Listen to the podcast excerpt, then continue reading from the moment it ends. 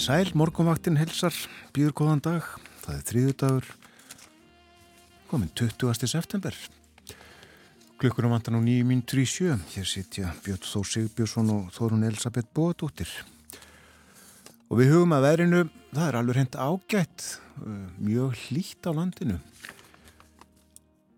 15 steg að hitti held ég, þar sem hlýjast var klukkan 6 í morgun og mjög víða tíu steg að hitti til dæmis í Reykjavík þrýr metrar á sekundu sunnan andvari og skíjað 11 steg að hitti á Kvanneri 11 gráðu líka í Stikkishólmi þar var skíjað þrýr metrar.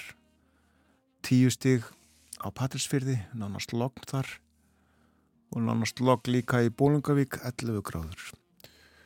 12 stíg í Holmavík 2 metrar suðvestan 12 stíg líka á Blönduósi 12 stíg á Söðunisvita suðvestan 3 14 stíg að hitti á Akureyri.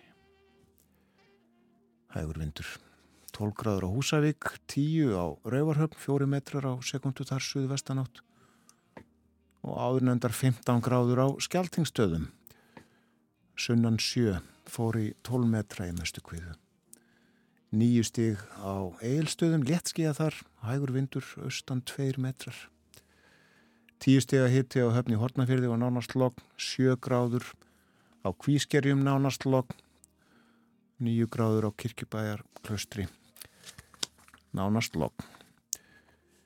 Tíu steg að hitti á Stórhauða í Vestmannegjum og 5 metrar á sekundu þar og 10 gráður sumleiðis í Árnesi 2 metrar. Og 7 steg víða á Hálendinu, sandbúðum og sprengisandi til að mynda, 11 metrar á sekundu þar, en logg á hverjaföllum 7 steg að hitti. 7 steg líka í veiðivatnarhaunni, en 8 steg að hitti á Holtavörðiði. Svona viðraði á landinu klukkan 6. Og í dag verður söðlega átt, yfirleitt á bylunu 3-8 metrar á sekundu en að 10 metrum við söður og vesturströnduna. Ryggning með köplum en bjartviðri austanlands fram á kvöld. Og það er áfram hlýtt á landinu 10-18 steg hlýjast á norðaustur og austurlandi. Í nótt dregur úr vindi og á morgun verður hæg breytileg átt og skúrir við og dreif en það verður samfeld ryggning söðaustan og austan til. Lítil lægðar bóla fer norður með austurströndinni. Það kólnar heldur á morgun hiti á bylunu 7-13 steg. Og áfram verður uh, hitin á því byli hlýjast 12 steg. Fram á laugadag þá uh, hlínar í veðri og svo kólnar á nýja á sunnudag og uh, útlitt fyrir svalt veður sunnudag og mánudag. Já haustjapdægur á förstudaginn. Einmitt. En uh, útlitt fyrir ljómandi veður á landinu í dag, hlýjindi eins og áður sæði, við skoðum þetta alls saman betur og eftir uh, annars ímislegt á dasgranu hjá okkur. Ef þú telur að barnið þitt þurfi einhvers konar greiningu, til dæmis um, ADHD greiningu, þá ringir og panta tíma. Svo er líkilegt að þú þurfur að býða einn tvö ár eftir að komi að tímanum og greiningunni. Já, við ræðum þessi mál við salfuru Nordal umbúsmann badna en umbúsmann badna hefur tekið saman alls konar byggtíma í einum ymsu kerfu eftir þjónustu. Salveru verður hjá okkur hálf nýju. Efnahagur og samfélag til umfjöllunar hálf átta, Þórðusnar Júliusson reittstjóri kjarnansverður með okkur og Berlinarspjall eftir morgun fréttunar klukkan átta. Það er ímislegt sem að Arstúr Björgvin ætlar að fara yfir í dag. Við uh, gerum betri grein fyrir þessu og ítarlegri eftir fréttinar, eftir sjöfréttir, en uh, ég vil ekki að uh, setja eitt lag á fónin. Förum til Bretlands til svona 1963-4 eitthvað svo leiðis.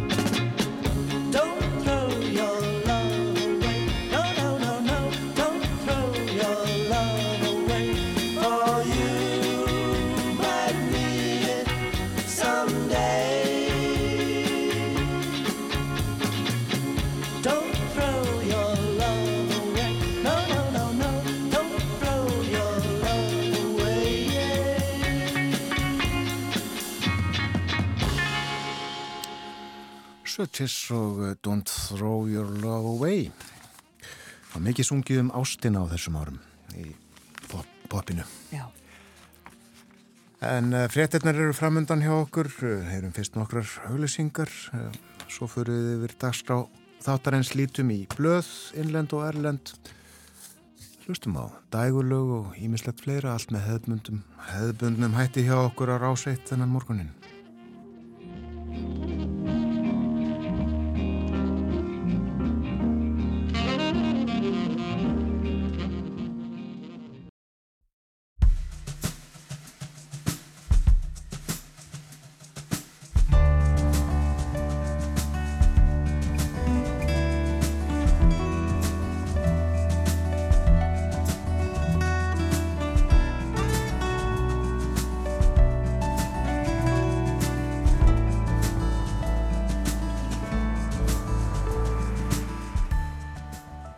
Morgumaktin helsar á býðu góðan dag. Það er þriðu dagur 20. september.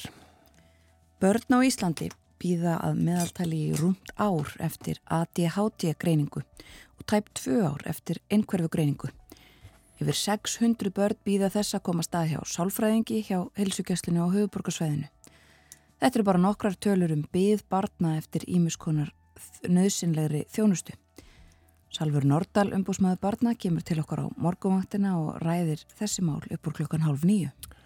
Það er hálft ár síðan drúur hluti ríkisjóðs í Íslandsbanka var seldur að kvöldi dags. Fólki sem uppfyldi tiltekin skilirði sangant lögum var bóðið að kaupa en þau skilirði voru eitthvað á floti í hugum sömra og úr var nokkur kvellur. Kallað var eftir úttækt og ríkisendurskoðun falið að fara í saumana á verklæginu niðurstöðu beðið. Rifum málið upp í spjalli með Þórðisna Júliusinni í dag og ræðum líka um fjármál stjórnmálflokka og fleira. Í Þýskaland spjalli fjallar Artúr Björgum Bodlason meðal annars um orkukreppuna sem er yfirvofandi í landinu og fleiri ríkjum. Öllum er gert að spara orku með tilhærandi áhrifum á mann og þjóðlíf. Orkuskortur breytir því hins vegar ekki að Oktoberfest bjórháttíðin mikla er haldin í munn hér þessa dagana eftir tveggja ára hlið og ölið er kneifað sem aldrei fyrr. Artur verði með okkur eftir frettir klukkan átta. Umsjónamenn morgunvaktarinnar eru Þórun Elisabeth Bóadóttir og Björn Þór Sigbjörnsson.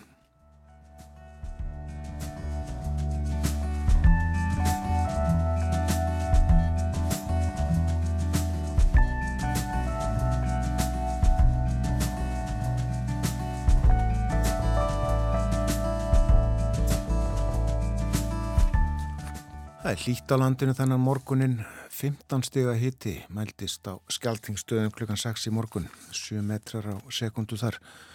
Og 14 uh, gráður á Akureyri, viða er 10, 11 og 12 stíða hitti. Já, hittin fer upp í 18 stíg uh, mögulega í dag, sérstaklega einmitt á norðaustur og austurlandi. En annar staðar eh, frá 10 stígum og það er söðurlæg átt, yfirleitt hæguvindur á bylunu 3-8 metrar á sekundu en örliti kvassara við söður og vestuströndina 10 metrar á sekundu þar. Rigning með köplum en bjartviðri austanlands fram á kvöld. Og á morgun hæg breytilega átt og skúrir á við og dreif en samfeld rigning söðaustan og austan til. Og það eh, kólnar heldur á morgun, hitin fer hæst í 13 gráður samkvæmt spám og þannig verður þetta eh, áfram næstu daga. Já, það maður búast í sól víða á landinu á förstu daginn þá er einmitt höstjafdægur uh, regning um allt land svo að segja á lögadaginn og alls konar veður á sunnudag uh, meðal annars slitaða snjókoma fyrir norðan. Já. Og skúrir annar staðar það kólnar á sunnudag sem sagt Sjáum hvort þetta gangi eftir.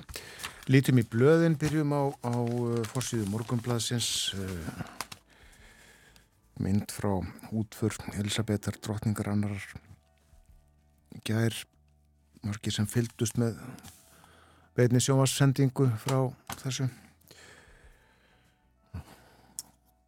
Það var mikið dæmi. Þetta var mikið dæmi eh, stóran hlut á dagsins og fjölmargir þetta sem að fyldust með, það ekki bara hér heldur um allan heim Já, og allt æft og tímasett og það fór ekkert úrskeið svo við vitum. Nei, var ekki talið að þrýr til fjóri miljardar myndu fylgjast með þessu gegnum sjónvastæki? Jú, það var talað um það fyrirfram, það er eitthvað svo leiðis. Já, enga rekna heilsugeslan hangir á algjörum bláþræði, segir í fyrirsöknu fórsíðu morgunblöðsis. En uh, þannig er að marg framlengdur þjónustu samningur engar ekkina helsugeslustöðu á höfuborgarsvæðinu rennur að öllu óbreyttu út um komandi mánuðamót. Gunnlaugur Sigur Jónsson, stjórnaformaður helsugeslunar höfða, þeirrar stæstu á landinu, segir í viðtali í dagmálum að ekki sé hægt að una við óbreytt ástand lengur. Stöðarna séu rekna með viðvarandi halla í núverandi fjármögnunar umhverfi og að samningar hafi verið endur nýjaðir frá mánuði til mánadar allt þetta ár.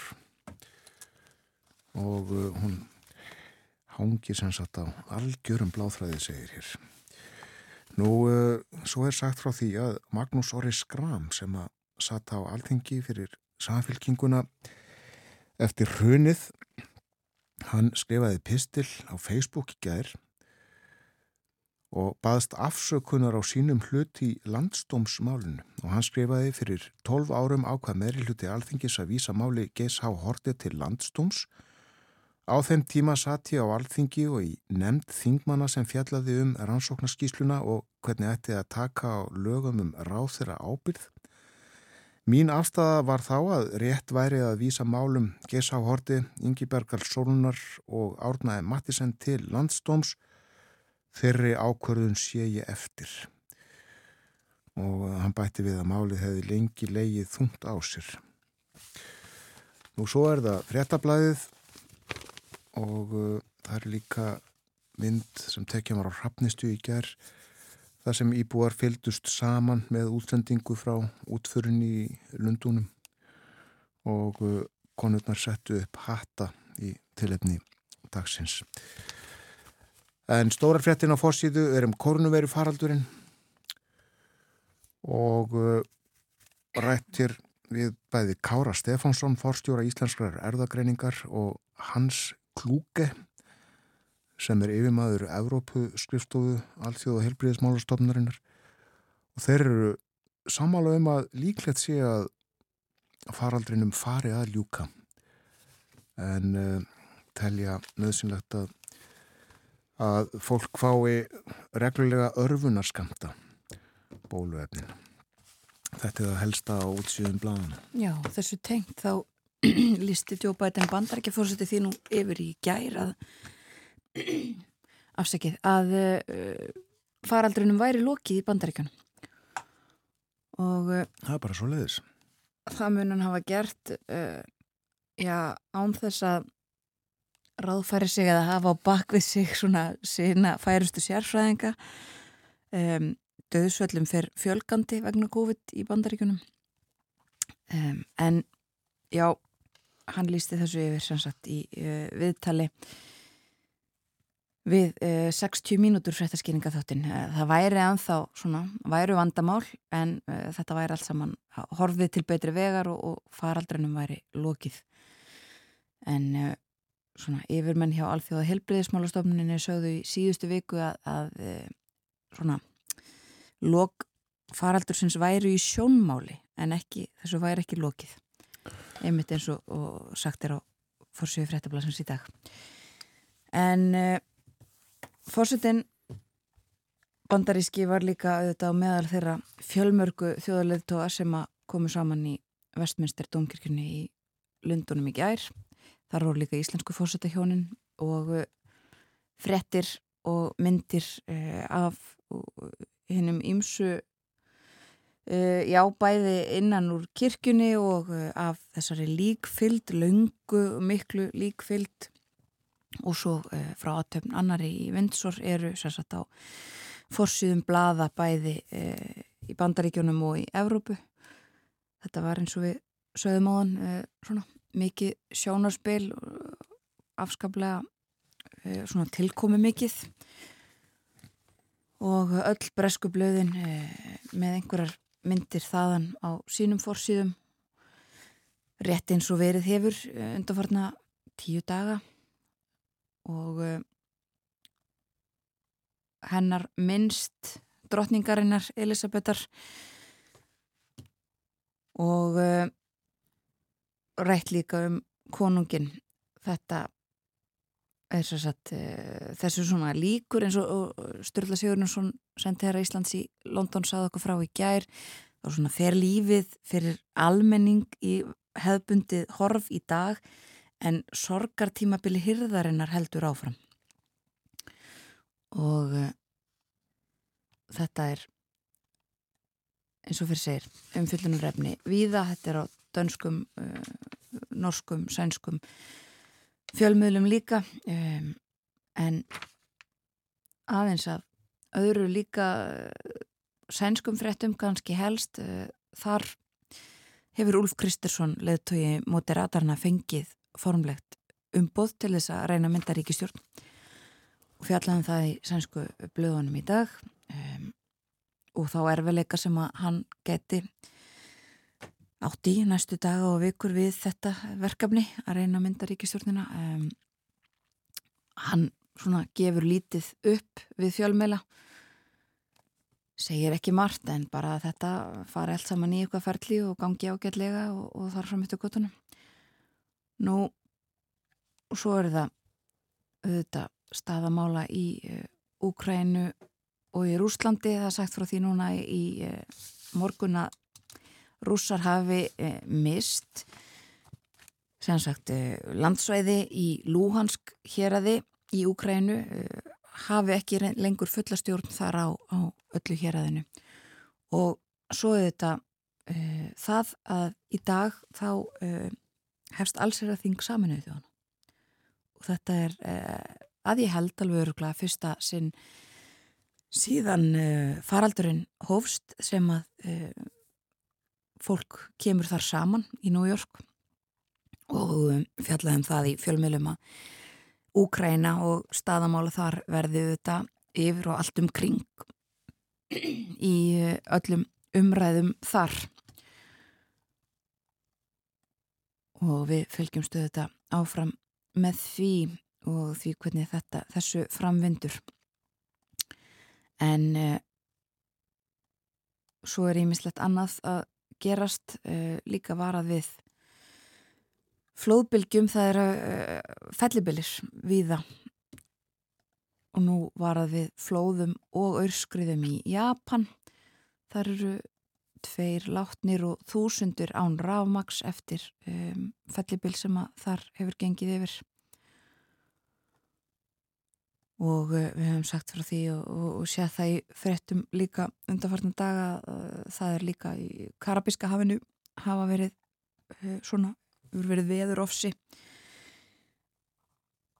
Costa Rica var Puerto Rico var algjörlega án Ramax í einhvern tíma og fleiri uh, fleiri ríki, fleiri eigur uh, sem að hafa lendi í miklu vandræðum vegna veður ofsa undarfarnar daga. En uh, svo er það í Noregi. Áfram fjallaðum uh, kennaraverkföll og stöðumála þar. Töluðum þetta í gær. Erfitt ástand þar.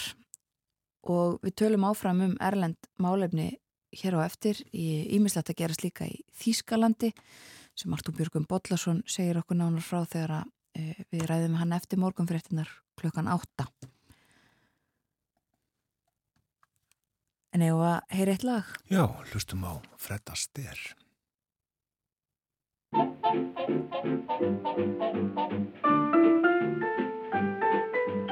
Heaven, I'm in heaven And my heart beats so that I can hardly speak.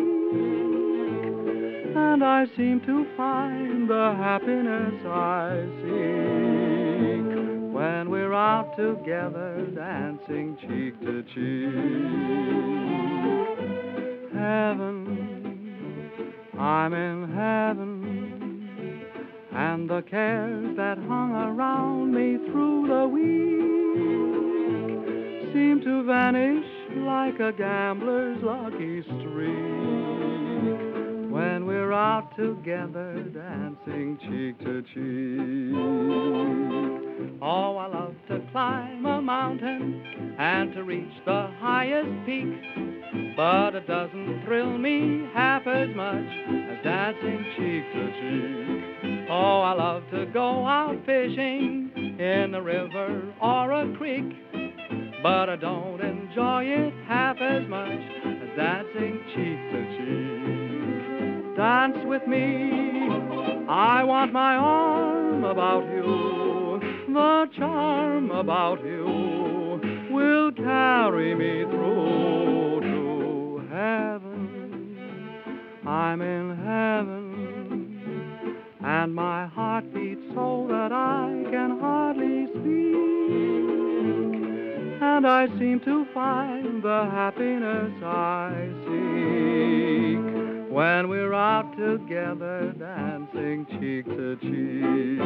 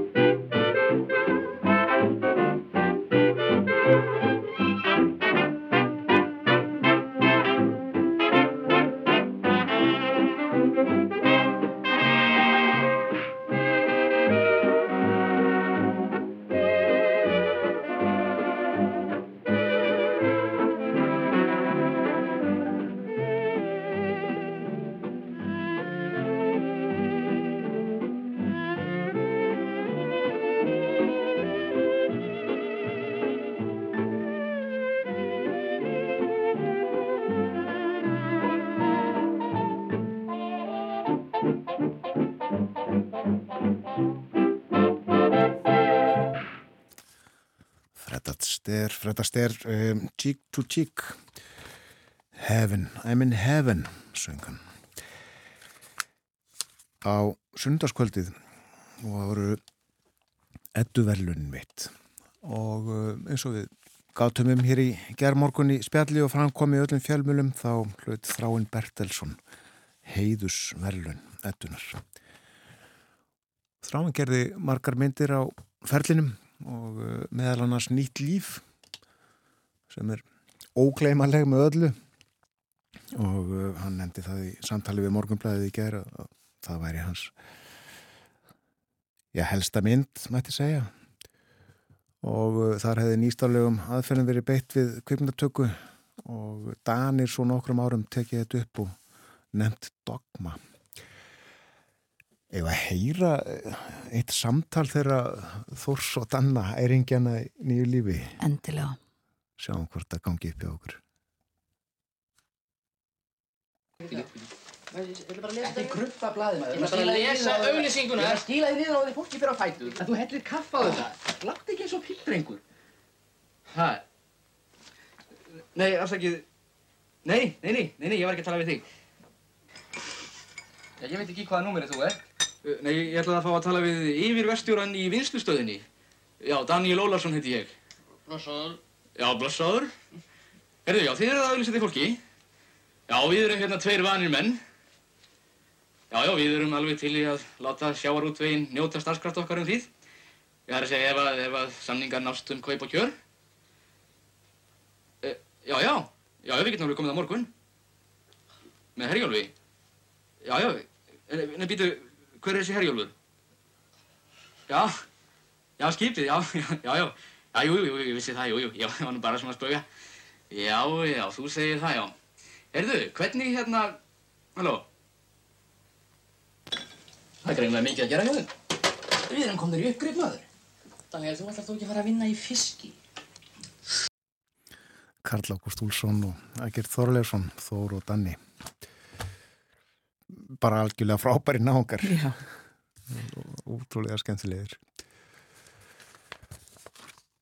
Aðeins að uh, íslenski pólitík og því sem að þingmennetnir okkar ætla að gera þetta það er þingfundur hálf tvö og uh, það eru þingmannamál á dagskrá fundarins. Fyrstur í fjallæðan störþingsins en uh, svo er á dagskrá þetta mál sem að þrýr uh, stjórnarnarstöðuflokka standa að þjóðrat hvaða greiðsla um framhald viðræðana við Evrópusambandið. Og það er Lógi Einarsson formaðið samfélkingarinnar sem að flytur málið og fyrir umræðan fer sem sagt fram í dag. Og fleiri þingmannamál á dagskráni hækkun skatleisismarka og lámas framfæslu lífeyris þegar Inga Sædal flytur það mál. Þorgeru K. Gunnarsdóttir er með mál um jöfnun atkvaðavægis, breytingu sem sagt á kostningalögunum svo eru fjallað um uh, tæknifrjókun, uh, einföldun regluvers og uh, skattalega kvata vegna launa, keppnis og afregs íþrótafólks Ágúst Bjarni Garðarsson, þingmaður framsóknarflokksins er með það mál.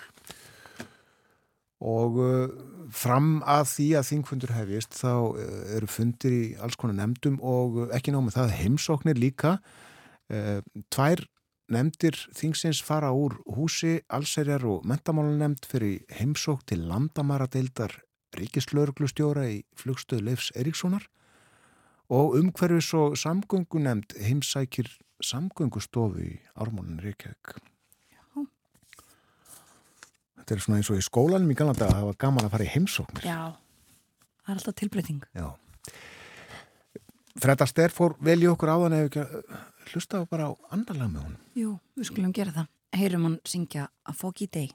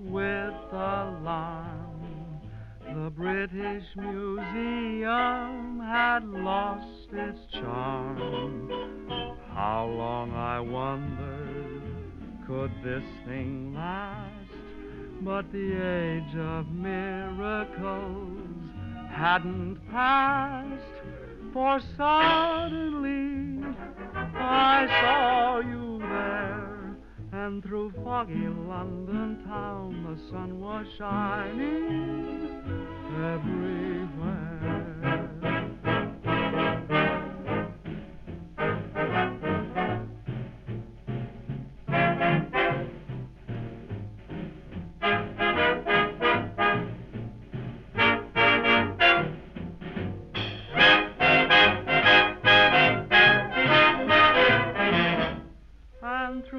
Foggy London town the sun was shining everywhere.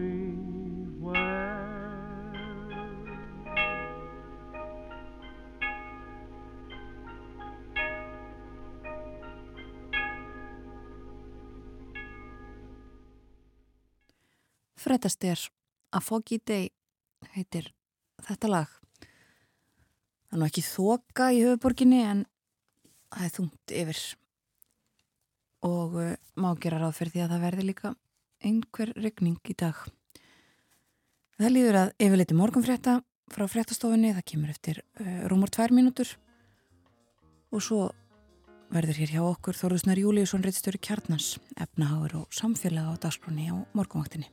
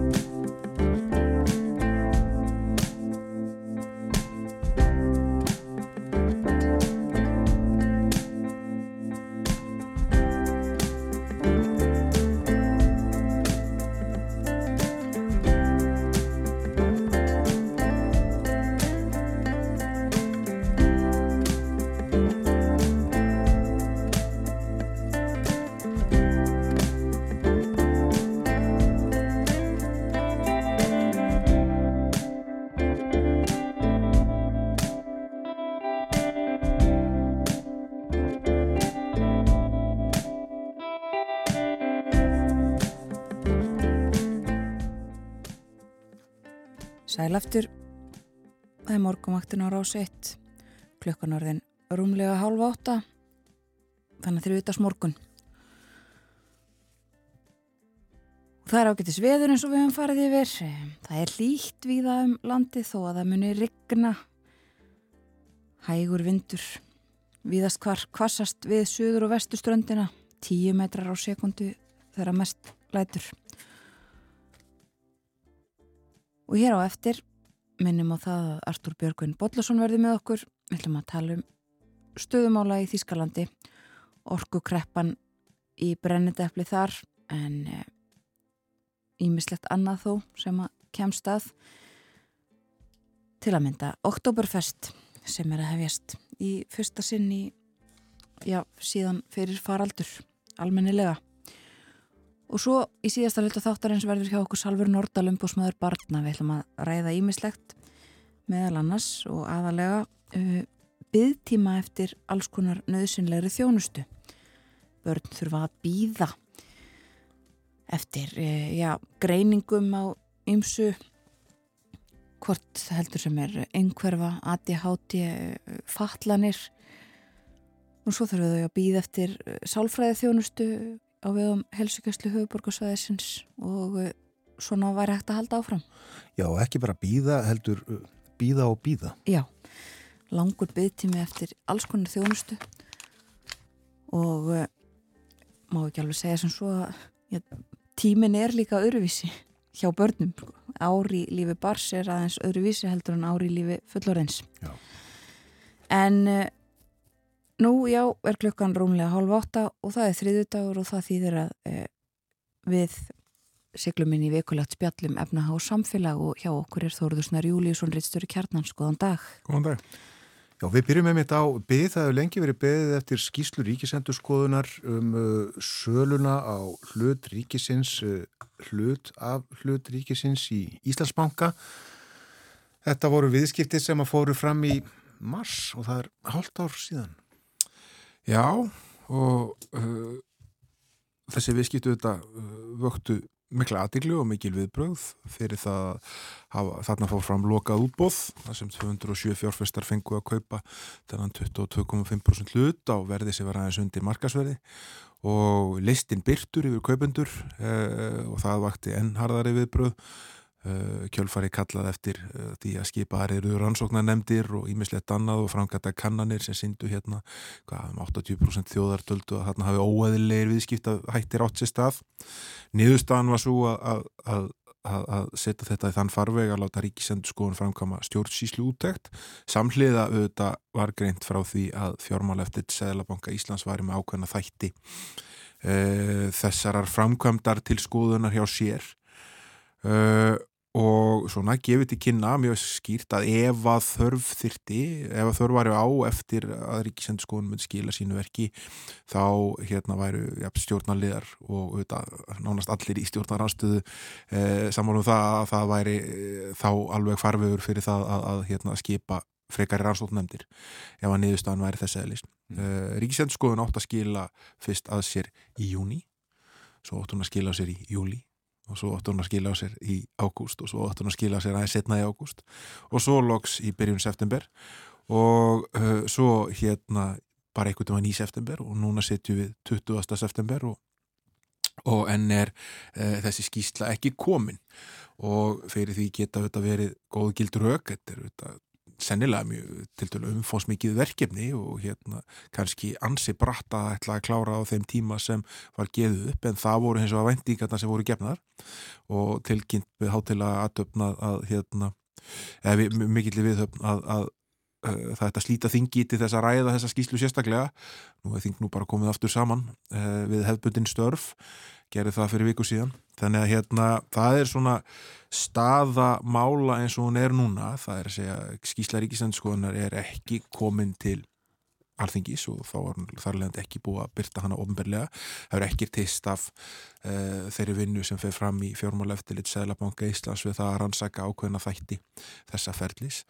Uh, og uh, samt sem áður er komið fram fjárláða frumarp þar sem er gert ráð fyrir því að selja eftirstandandi hluti í Íslandsbanka Alveg. sem er mjög aðtiklisvert vegna þess að það var gefið út alveg skýrt þegar hérna þið munið þegar formenn stjórnaflokkarna þryggja sendu frá sér eh, sameila yfirlýsingu þar sem bankasíslan var lögð niður þá eh, var það tekið alveg skýrt fram að, að, að hérna að sala, frekar sala á Íslandsbanka er þeir stöðuð þanga til að það veri komin einhver botn í þessi mál. Það er engin botn komin í málinn uh, það er að segja, það er engin nýðustad sem hefur verið byrt, en samt sem árið gert ráð fyrir því að, að, hérna, að hlutur ríkisins í Íslandsbanka 42,5% eftirstandandi hlutur verði seldur á næsta ári fyrir einhverja 78 miljardar þótt að markasvirðanserindar er tölvöld hærra, nála 110 miljardum Þessar hlutar? Þessar hlutar, þannig að þarna er svona mjög hóflegt mat á virðans í, í fjólagafröðampinu og uh, einfallega sagt bara já ef við seljum ekki hlutin í Íslandsbanka þá þurfum við að fjármagna þetta með einhverjum örum hætti og þá vantarlega með lántöku já. Sko, eigum að rifja upp þorður eins fáum orðum og hægt er hvers vegna var óanægja með sölun á sínum tíma? E, já, það er óanægja með það að, að, að þarna fekk sagt, ákveðin hópur að kaupa, þetta er lokað útbóð, þetta er sölur ágjað sem er ráðinir og þeir ringja í uh, viðskiptavinni sína og bjóða þeim að kaupa. Það var ónægja með það að hérna, sko, almennt að, á endanum að það hefur verið farin þessi leið. Það var svona, viltist vera skilningur margra þingmanna meðal hann stjórnaþingmanna að þessi leið ætti að vera farin til þess að fá að nokkra stóra burðu að langtíma fjárfesta það reyndis ekki raunin, það voru þarna alls konar já, pingulitlir fjárfestar sem voru að kaupa fyrir mjög lága uppæð uh, það var gaggriðt mjög harkarlega hverjir fengu tækifæra á kaupa og hverjir ekki. Þetta var gaggriðt að það voru nöfn þarna á meðal sem hérna uh, tengdust sölur á gjónum það er að segja annars vegar Íslandsbanka og hins vegar Íslensku verbröðum uh, það var gaggriðt að fadir fjármálaróðara var á meðal þeirra sem fekk að kaupa Uh, og svo framvegis voru þetta að pikka í ímislegt annað. Voru aðeinar hérna sem voru að kaupa í gegnum félug sem voru með neikvægt eigi fí og hvernig þeir að vera, teljast að vera uh, burður eða hérna, skilgrindir fagfjórfestar þegar, þegar þannig árar. Þannig að, að það er alls konar svona þættir sem uh, þóttu svona orka tvímælis og, og, og fóru og ný fólk. Aðal hugmyndin hafi bara verið einfallega svo að þarna hafi fólk hafi þeir sem fengu að kaupa daldi verið handvaldir af þessum sölurókjum Þetta ákomi ljós uh, á næstu tíu dögum eða svo. Já. Já, við skulum hafa hóflega vendinga til þess.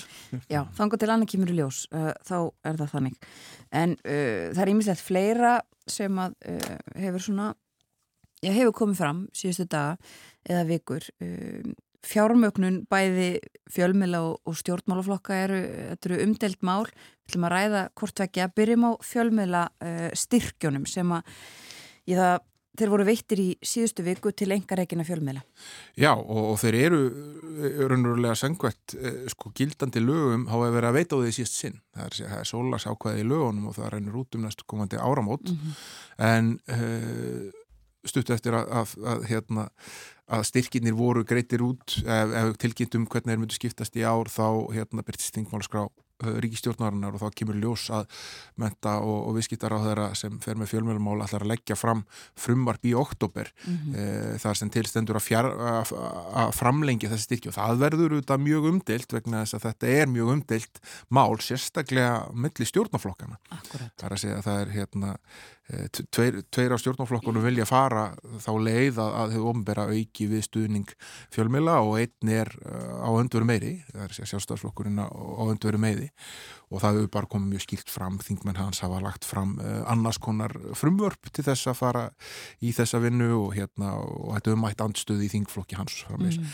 uh, en það sem var uh, svona kannski áhugavert núna það verður að greiða út þessa styrki og þeir er hægra krafa á þess að styrkja uppæð, það er að segja hún lækkar á milli ára, alltaf það er ekki, hérna, hún er ekki verðbætt eins og margt er í fjárlögun meðan það heldur lækkar hún bara í grónutali og uh, núna sóttu fleiri um þessa styrki en gerðu það árið áður, það er að segja að voru 28 umsóknir sem bárust uh, nú og 25 fengu en í, í fyrra voru þetta 21 og fyrir vikið lækkaði þrátt fyrir að í svum tilfellum hafðu kannski endur eh, greiðanlegur kostnaður fyrirtækja hækkað, mm -hmm. þá fengum við minna tilbaka. Ef við tökum bara dæmi af þrejum stæstu fjölmjöla fyrirtækjunum, það er að segja Árvakri, Sín og Torg sem reyka hérna stæstu engareknu fjölmjöluna, Morgumblæði, Frettablæði, Stöðtöðvísi, allt þetta.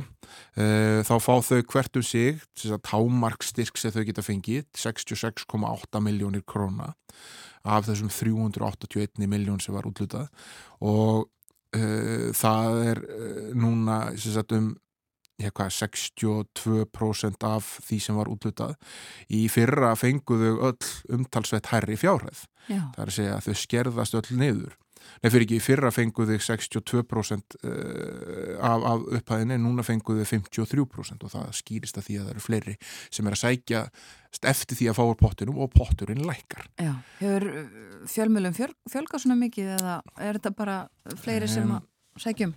Nei, ef maður rínir í tölurnar þá eru sko, alveg uh, eitt eftir eh, fjölmila fyrirtæki hagsmunarsamtök sem reyka fjölmil sem fá hærri greiðslu, það er að segja bændasamtökin sem ekki að bændablaðið að greiðslu þeirra hækkar og það vandala að endur spekla það að það sé eh, aukin starfsemi, mm -hmm. það er að segja reittstjórnarstarfsemi, það eru fjölmilar sem hafa, fengu ekki styrki fyrir að koma inn, nefna útgáðfélagi Soltún sem reykur mannlíf e, Byrting sem fekk ekki styrki fyrra e, en er inni núna Uh, og það bara þegar uh, svona í stóra samminginu það er svona lítill pottur og, og svona margir að sækja um hann og pottur um mingar á milli ára þá þetta, hefur það strax umtalsverð áhrif sko þegar að koma inn aðeinar sem eru að fá styrki upp á 10 miljónir pluss af 381 miljón konar potti þá telur það.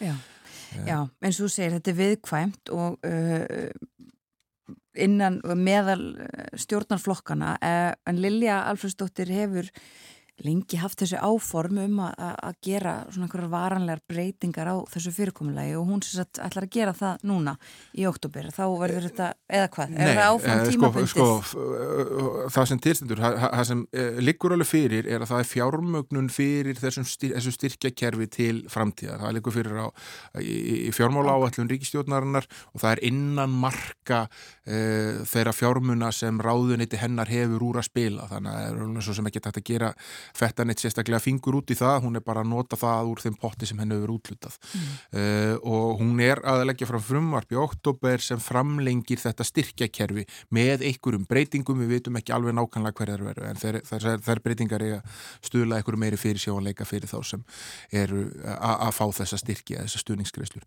svo hefur uh, að skils mér að það er að leggja fram eitthvað svona heldranari pakka í vor, það verið að tala hérna mikið og haldi málþingum það, það sem ráð ráð þær hefur talað um að fara hérna svo kvöldu dönsku leið og fara fleiri leiðir til þess að, að hérna styðja við uh, eh, rækstærarungverfi yngaríkina fjölmila meðal annars hefur hún talað um það að takkmarka eða taka rúfa af auglýsingamarkaði mm -hmm. Uh, og það er auðvitað þannig að rúfi er á fjárlögum og, og, og við sjáum sagt, þetta er undir einum lið á fjárlögum það er bara fjölmilar og það er rækstur fjölmila nefndar og þessa stuðningsgreislur og svo framlögum til rúf og framlögum til RÚF uh, eru að hækka aftur, þau eru bara að hækka svona verbætt uh, en framlögum til RÚF hafa sangvægt uh, fjárlögu núna sagt, ári í ár og, og næsta ári þá eru framlögum til RÚF að aukast um 720 miljónir og það er cirka, aðeins minna en nákvæmlega það sem fer í styrki til engareknu fjölmilana á sama tímabili. Það er að segja, hækkunum á RÚF er aðeins undir því sem þeir fá í styrki allir saman hérna á þessu tvekjára tímabili. Já og fleiri styrkjamál uh, það hefur mikið verið talað um sko, styrkina eða, eða fjárframlögin til stjórnmálaflokkana og það var tveir flokkar lagt fram núna frumvörp um uh, breytingar á þessum reglum um fjármögnun stjórnmálaflokka Já, uh, og við, erum svona bara örstutu máli þá þetta var uh, þessu breytt öllu saman hérna mm -hmm. 2017 hérna bara á milli jól og nýjás þannig að styrkir til uh, stjórnmáluflokka voru hækka er um 127% og, hafa verið vel rúmlega 700 miljónir 728 miljónir síðustu þrjú ár sem hafa skipst niður á flokkana eftir atkvæðavegi og framistu í kostningum og þetta eru algjörlega kúvönd fjárhagstuðu flokkana sem margi hverju voru komin í veruleg fjárhagslega vandræði sko. við skulum alveg hafa það á reynu það er sko fjöldi kostninga sem var haldinn hérna árum undan í kostningar og svo auðvitað bara alls konar svona kannski já, eh, áhugaverðar áherslur í, í, í rekstir í stjórnmáluflokka eh, núna er það þannig að hérna að þorri flokkana er að fá sína fjármennu úr sammeilum sjóðum. Eh, ég menna við horfum á árið 2020 þá 98% af öllum tekjum flokks fólksins og pírata kom úr ríkisjöðu eh, miðflokkunum fekk tefnilega 94% Vafki 92% 91% tekna viðreysnar kom úr ríkisjöðu frásókn 87% samfélkíkin 75% og sjálfstæðsflokkunum 66% eða Núna eru, hérna, þegar flokkarnir eru komin í ákveðshold, eru komin á góða stað, þá eru komin fram tilugur um það að breyta þessu fyrirkomulagi. Það eru mjög, uh, það eru á öndurum með, við skoðum segja það, píratar, eða þingflokku pírata er annars vegar búin að leggja fram frumvarp þar sem uh, þau vilja ganga enn lengra í það að banna svona framlög engaðila, þeir vilja banna fyrirtækjum að styrkja flokka og, og frambjóðundur með beinum hætti, þeir vilja líka fyrirtæki gefu upp svona óbeina styrkja þeir vilja lána fólki húsnæði eða eitthvað svo leiðis að það veri gefið upp og talið með, með hérna, ákveðnum hætti. Vist, sem er kallað afslættir lögaðela vörum og þjónustu. Og e, á, á hinbóin ertu með sko þing flokk sjálfstæðisflokksins eða flesta þingmenn sjálfstæðisflokksins sem vilja uh, auka uh, getu enga eða uh, til þess að fjármagna starfsemi stjórnmálflokka og vilja líka breyta þröskuldinum sem þarf til þess að hérna að fá styrki úr ríkisjóði hann er núna 2,5% og þar alveg fær flokkur eins og Sósialista flokkur Ísland sem fekk 4,1% síðustu kostningum fær greiðslur þrátt fyrir að hann er ekki þingmann og, og þingmann sjálfstæðarsflokks vilja fara með þennan þröskuld upp í 4% þannig að Sósialistaflokkur mundir rétt sleppa eins og staðan er í dag en hérna það, flokkur fengi 3,9% í næstu kostningum og þetta myndi ganga eftir þessi tillaga þeirra þá myndi sá flokkur ekki fá krónu. Já. Núverandi fyrirkomlega var þetta komið á uh, svo að uh, flokkarnir væri ekki mögulega undir hælnum á sterkum sterkefnuðu fólki og fyrirtækjum Já, við getum svona kannski sagt að nú er þetta fyrirkomulega eigi sér uh, tvö tímabil, það er segja uppunulega þegar það er sett hámark á greiðslur einstaklinga á lögæðila og, og, og ákveðnar ákveðnar greiðslur úr, úr ríkisjóði til þeirra Uh, og það er gert eins og þú bendir á að hérna í kjölfar mýlur umverðum þessi styrkjamál þegar, þegar FL Group og Landsbankin voru hérna að styrkja uh, sjálfstæðisflokkin með mjög háan greiðslum og, og ímis, ímsir hagalar í atvinnlífun og styrkja samfylginguna sömulegis með mjög háan greiðslum og, og þetta þótti líðræðislega hættulegt ja. og, og En svo getum við alveg talað um svona nýtt tímabil eftir að þessi breyting er innleitt um að hækka styrkina svona svakalega því að þá uh, svona, það, það er engin fyrirlikjandi kvati lengur hjá flokkonum uh, til þess að vera að sækja sér fjármönu út í út í samfélagi og það er, það er alveg sterkur auksendafæsla í, í frumvarfi þingmanna sjálfstæðisfloksis um það að svona fyrirkomulag svona sé einhverjum hátt ólýðræðislegt vegna þess að það geri uh, þá sko sem aða leikinduna í stjórnmálaflokkonum einhvern veginn Uh, óháða þeim sem þeir þurfa að sækja valdi sér til. Það er að segja að hvetur, að letur þá til þess að sinna grásrótar starfi og sækja uh, fjármunni og, og krafti þess að reyka flokkana til uh, svona fjöldans vegna þess að þeir einfallega þurfa ekki út af því að þeir fá tjekka á ríkisöðu og það eru bara sterk rauk þannig að það er, það er mjög erfitt að finna því fullkomna kerfi um það hvernig við um að, að fjármagna starfsemi stjórnmáluflokka. Og uh, það gertu þetta með ímsum hætti uh, í heiminum eins og við þekkjum. Eh, rétt að lókum að, að fjármakstekjum sem að margir lifa á og uh, greiða fjármakstekju skatt. Uh, sá skattur fer bara til ríkisins uh, auðvitað við uh, skattgreðslur fólk sem er með vennilegar tekjur og greiðir tekjuskatt að stór hluti að honum fer í útsvar til sveitafélagana. Já, og þetta er hitamál og hérna, við hefum heyrt uh, sko, ansið digubarklegar yfirlýsingar ímissa uh, þungavætta fólki í ríkistjórninu um fjármastekju skatt núna undir fötnu, Katrin Jakobsdóttir talaði um þetta á flokksórsfundi Vafki e, núna í ágúst og, og sagði bara einfallega reynd út að það veri komið tími til þess að sigla þessu máli höfn þar segja að fjármastekjur myndu e, ber útsvar. E, það veri greitt, þeir sem væri bara með fjármastekjur myndu borga fyrir þjónustunum sem þeir nýta í sveitafélaginu sem þeir búi leikskólana sem börnið þeir á hérna, og svo framvegis og Sigur Ringi Jónsson talaði um þetta í útásviðtali um helgina þar sem hann var meira segja sko, að tala svona víðar þrepaskiptan fjármastekjuskatti þess að leggjast á sjáurútisfyrirtæki og, og hérna ímsaðara e, fjármálafyrirtæki. E, og núna liggur fyrir á þingmálaskráni að það verður lagt fram frumvarp í vor. Fjármála efnaðsraður að mun leggja fram frumvarp í vor sem hefur það markmið að, hérna, að e, leggja útsvar á þá sem hafa einverugu fjármastekjur það verður mjög áhugavert að sjá hver útfæslan á því verður og hvort að þetta verði eina skrefið sem þessi ríkistjórn mun stíga til þess að, að hækka skattgreslur á fjármasegjöndur þess að fjármastekju skattur er 22% hann er ekki sambarlegu launatekju skatti og þá segja auðvitað, allir fyrirtækjengundur sem þú hittir, bara á en við erum þegar búin að borga 20% fyrirtækja skatt, akkur við að borga meir en 22% hérna uh, í, í, í skatt af, af, af, af því sem við berum sjálfu og bítum. Þannig að hérna e, þetta er, er mikil umræðum þetta og, og, og, og sérstaklega ljósi þess hvað fjármastekjur hækkuðu gríðarlega í fyrra. Um næstu 70 miljardar á mill ára voru 181 miljardur króna á síðast ári og það er rosalega stór skattstopp Já. vegna, fyrst og síðast vegna aðgera sem hefur ofinbera greip til, sé að stjórnvöld og selabanki.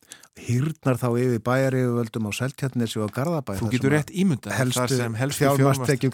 eru. Og það er ekki bara tilfinning, það er hérna blákold staðarind sem þetta er að finna í hagstútölum að, að sannlega eru fjármastekjur á mann eh, hæstar svona, hjá stærri sveitafélögum það sem hérna einn mjög uh, digur fjármastekju eigandi getur skekt þetta en svona í stærri sveitafélögum með nokkuð stíbúa þá standa Garðabær og Seltjarnis uh, mjög uppur Takk fyrir í dag Þóruð Snarri Ljósson Reit stjóri kjarnans drekkur í með okkur kaffi á þriðutarsmorgnum og við spjöldum um eðnahag og samfélag.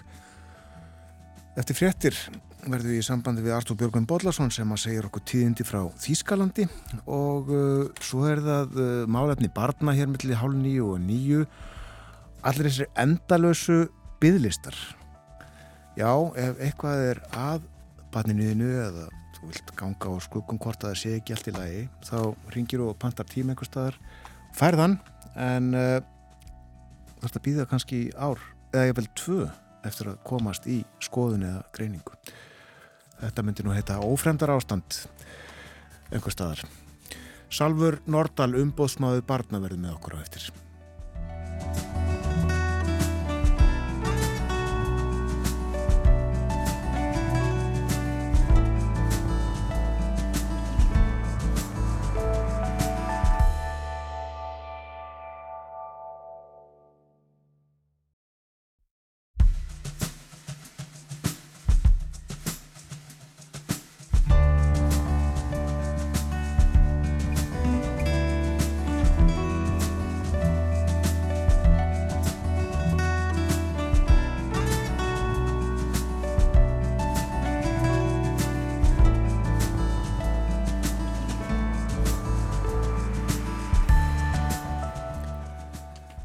Sæl aftur því að hlusta á morgunvaktina á rás 1.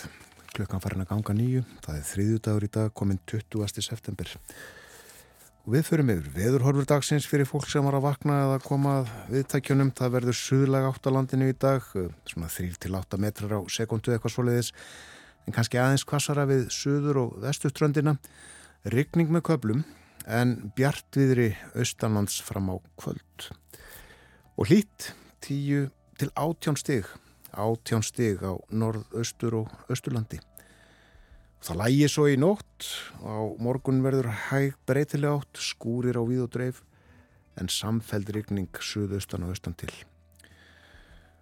Þetta var um veðrið á Íslandi en uh, hvernig ætli viðri í Þýskalandi við erum komin í samband við Artur Björgun Bodlason. Heil og sæl og góðan dag. Já, góðan daginn. Er fallegt haust hjá þér? Já, ég er nú stættur hér í Rínalöndum og hér er mjög fallið törst, hér er 16-17 steg hitt í dag og sólinn er komin hátt á loft og alveg indalið söstuður. Gott. Og uh, við uh, nefnum þetta nú ekki til að byrja með að ástæðuleysu. Uh, það kólnar auðvitað í Þýskalandi eins og við, viða annar staðar meðan gera með, með höstinu og já, fólk er þegar komið hróll þegar það hugsa til þess þegar það þarf að, að kynnta húsin? Já, það er nú búið að stjórnvöld hafa verið að tala um það síðustu dagan að láta það bóðu ganga að það með búast við því að fólk þurfa að spara áskona verulega þegar, kynntingatíminn hefst og, og orkusbarnaðurinn verðandi og komandi orkusbarnaður er mál málanlega hér eins og gefur að skilja og stjórnvöldi eru að róa því öllum árum að finna ráð til þess að vega upp á móti þeim mikla orku, orku tapi sem að hefur hlutist af því að, að, að Putin skildi loka gasleðslunni frá Rúslandi til Þýskarans og þó svo að Þýski stjórnmálamenn séu nú almennt á einu málum það að það hefur verið pólitíst rétt ákvörðin eins og það heitir að, að taka þátt í að beita rúsa efnahars þvingunum til að mótmæla innráðstæri í Ukraínu þá verður að segjast að það rattir hafa heist endur um að sinnum hér í Þýskalandi, sérstaklega í austur héröðun landsins, sem vilja að þau verður að drægi sig út úr þessum stöðningshópi vestarna þjóða og hætti að refsa rúsum fyrir þennan ársina til að þeir opni aftur fyrir gasið. Þetta er ekki hávararættir en þó, þessi skemmst að minnast að, að í síðustu viku þá hleyfti þingkonan Sara Wagenknecht sem sittur á þingi fyrir vinstrið eða til linki öllu í bál og brand þegar hún lísti því verið þingræðu að, að þýska stjórnum væri svo heimskasta í heiminum eins og hún sagði orðið rétt. Og uh, þar var hún að tala um heimskuna sem hún sagði uh, sko, stjórnina sína með því að fara í viðskiptastið við rúsa með að við þá miklu hagsmunni sem þar var í húfi og hún held ég fram að þauðverðir ættu þið bráðast að friðmælast við Putin og fá hann til að opna strax fyrir gasið aftur. Ella væri hagur og afkoma miljóna þjóðverja í bráðri hættu. Uh, og Wagenbach uppskar mikla reyði fyrir þessa ræði ekki bara í herbúðum stjórna sinna uh, og borgarlegu flokkana heldur líka í sínum eigin flokki og uh, það er haft fyrir satt að í kjölfarið hafi jáfnveil fjöldi liðsmanna gengið úr flokknum eftir ræðuna en En eina, sko, þessi orkukreppa, yfirvofandi orkukreppa, hún uh, hefur margar hlýðar og eina af afleiðingum hennar er svo að íþróttafélögi hér í landinu mm. eru kvöttir þess og þurfa að spara mjög mikla orku og uh, þannig hafa uh, talsmenn þýsku íþróttarhefingarinnar skorað á öll uh, skráð íþróttafélaglansins sem munu vera um 90.000 talsins, 90.000 íþróttafélagi skráð í Þýskalandi að minka orku nótkun sína um 15 eða 20 af hundraði. Og þetta skýtur auðvitað mörgum skelki bringu en það sjá menn eh, fyrir að það verði að hætta ef að þetta á ganga eftir það verði að hætta að kynna íþróttahallitan í landinu sem eru rúmlega 10.000 í Þískalandi öllu og íþróttafólk þurfa að sætta sig við hálfkaldar sturtur og ekki verði lengur hægt að flóðlýsa fótbolltavellina til dæmis sem eru margir hverju flóðlýstir en það eru oft verið að sparka þar í meistarartildin á kvöldin og, og sem dæmi hún líka nefna að það fer gríðaleg, sko, gríðaleg orka í að hýtta þessa velli upp fyrir fótboltan. Ég var einmitt að lesa þengst þar að, að svona grashýttun, eða þegar svona grasföllur hýttaður upp, e, þá notar hann um það eða mm, um það byl 2000 lítra af ólju á dag í svona upphittun og það er svipað að fyrir að hita einbílishús í heilt ár, takk fyrir. Já, já. En uh, nú er þess að skeipuleikendur fótboltamóta að, að kanna hvort ekki sé að færa kvöldleiki, leiki sem er á daska á kvöldin, í keppnum mestaraliðana yfir á aðra tíma að deginum.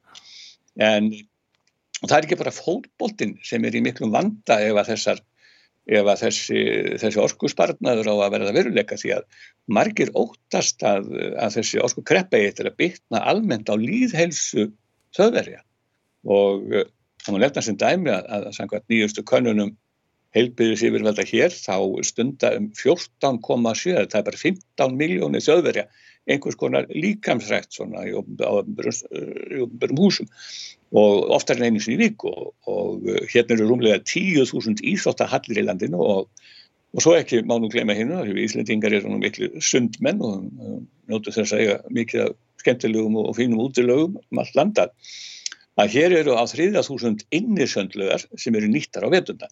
Eh, hér eru náttúrulega ekki útisöndluðar mikið á nýttar á vetunda, ég held að það sé bara allar lokaðar en, en það eru sem sagt um uh, vel á 3.000 innilögar sem eru nýttar á, vetrum og og eh, fyrir alltaf fólk sem notar þessa aðstöðu bæði í, í, sko, í íþóttu og, og, og, og laugum uh, til þess að halda kroppnum á sér í lagi, þá getur það orðið mjög, getur veturinn orðið mjög erfiður mm. og uh, þannig að þegar upp er staðið þá má jáfnveil leða líkur að því að, að, að þessi ákvörðun Pútins að loka fyrir gasi frá Rúslandi í kjálfær þessari viðskiptaþingana geti þýtt bara vestnandi líðhelsu eða vestnandi helsu þar miljóna manna hér í Þískanandi, hvorki minni minna. Þetta er meiri átt á mál. En Artúr, uh, annars konar, já kannski ekki líðhelsa en svona uh, ákveð uh, svona tenging við þetta, uh, það er auðvitað samkomur, þær hafa auðvitað leiðið mikið til niðri vegna COVID, þær eru nú hotlar, taldar að ymsuleiti uh, og nú er loksins uh, farið að drekka bjór í munn hér í Oktoberfest er hafinn Já, ég er ekki við sem allir séu samála því að Oktoberfesti sé sérst í helgu dæmi en, En uh, það er rétt að uh, þetta stærsta alþýðu, stærsta alþýðu hátíð í heiminum, hvorki meirinn minna, hún hefur legið niður í, eða lág niður í tvö ár vegna faraldusins og nú var hún opnuð og hófst aftur fyrir þrejum dögum, 17. september, klukkan 12 á háti, samkvæmt venju og stendur til 3. oktober og uh, yfirborgarstjórnir munn, Dieter Reiter, hann opnaði hátíðina uh, að vanda með því að slá gata á fyrsta bjórkútin uh, með, svo að bjórin geti ferðið að flæða og sagði náttúrulega leið orð sem allir þau verið að þekkja vantarlega sem komið nýra á bjóraldur og tsaft ill, það er að segja þá er búið að, þá er flæðið hafið þá er búið að slá gata á kútin og þetta má segja þetta, þetta er ekki bara stærsta allþýðu skemmtun í heiminum og sannlega svo blöðlega þetta líka heldur er hún með þeim eldstu, þetta byrjiði allt saman á 1810 svona fyrir sögu áhuga minn með brúðkaupi Lúðvís Krónprins af Bæjaralandi og Teresu prinsessu og liður í mikill brúðkaupsveislu sem var haldinn þessum ágættu hjónum til heiðurs úr kappreyðar þar sem að allur almenningur mátti vera við stættur og, og, og var bóðið að geða sér á víni og bjór. Og þar með var oktoberháttin orðin til og hún hefur bara verið haldin í einn með annar myndalvík síðan og, og heitir þar að segja staðinu þar sem að háttíðin fer fram, háttíðarsvæðið heitir einmitt Teresin Vísin sem að er uh, skilt eftir þessari ágætu, ágætu prinsessu. En uh, fyrir utan spenningin sem að alltaf fylgir verðlagning á bjórna, það er það ímis alltaf svona svolítið spenningur í aðdraðanda háttíðarinnar til dæmis uh, eru margir veltað fyrir sig hvað mun nú bjórin kosta þetta árið og uh, það verður að taka fram að, að þetta er ekki fyrir neina tepur að fara þessu hátíð þegar bjórin er bara búin fyrir líterskrúsum, hvorki meirinni minna. Já. og það er gaman að hýma hana þegar ég fór nú þarna árum áður nokkur sinnum á þessu hátíð. Og uh, þá var metið það eru þarna vaskar uh, konur í dyrrundl eða bæfiskum þjóðbúningu sem bera bjórin í gestina. Og ég man eftir því. Og það er bara staðrendar að sko svo þeirra sem að komst með flestar krúsitan í einu hjælt á átján krúsum í fanginu. Það er Það er algjörlega sem sagt nýju korum megin. En Mistu við sambandi við Artur? þetta heyrðu þetta í mér. Þú dast út en uh, ert komin í samband aftur? Já, en nú sem sagt sérðið stað að, að, að bjóru var hækkað tölvert og fór upp í 13 eurur og 80, þar að segja það eru um 2000 krónur íslenskar. Og það þykir ansi háttverkir með kvartast áran enda því, en fyrir lítran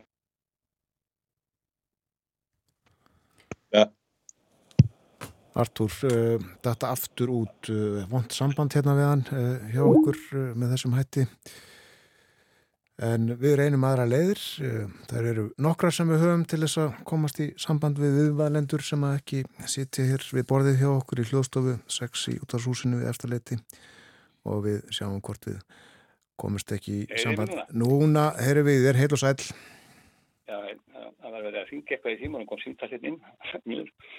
en allavega þá, sem sagt, bjórn komur í 2000 krónur, og ég var að segja, og uh, það þykir dýrt. En uh, það er annað sem er meira hann og meira ágjör afheldur hækkun og, og bjórverðinu, það er það að, að það fylgir mikil mannfröng þessari hátíð og uh, fólk er ansið nálat hvert öðru í hátíðinni.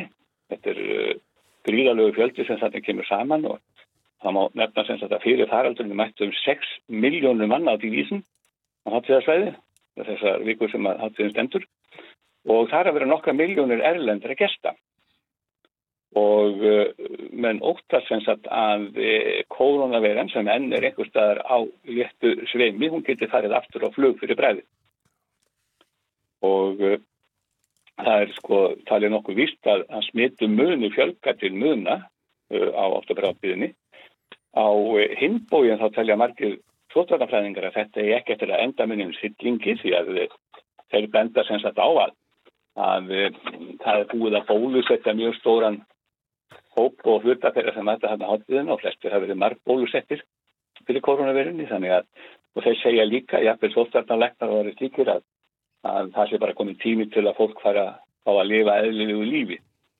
Og og hérna það sé að vísu nokkuð víst bæta þessu við að, að smitin er þeirra fjölga mjög mikið í kjölfarháttuðunar en uh, þeir telja þó að þau mun ekki eftir að valda miklum skakkaföllum eins og þau segja. Nei. En hvernig aðeins aftur að háttíðinni, sko, er þetta svona sæmilega kúltiverið eða er þetta bara fyllir í? Eh, ég held að það sem var út að segja að þetta sé ekki sérstaklega kúltiverið, sko. Eh, þetta er gríðarlegt fyllir í, svo að séum nota rétt á þau og uh, þarna gera menn ekkit annað heldur en að drekka björn en það er að vísu fyrir þá sem vilja fá hreyfingu að hann skulum tengja þannig hlýðhelsu þá er þetta að fara þarna einhver tæki svona, það er svolítið tífóli í kringum þetta. Og uh, menn geta farið einhverja hingekjur og, og fara sér hjólu eitthvað svo leiðis en, en uh, það gera nú flesti bara til þess að losa sig við björn en það er nú annar mál.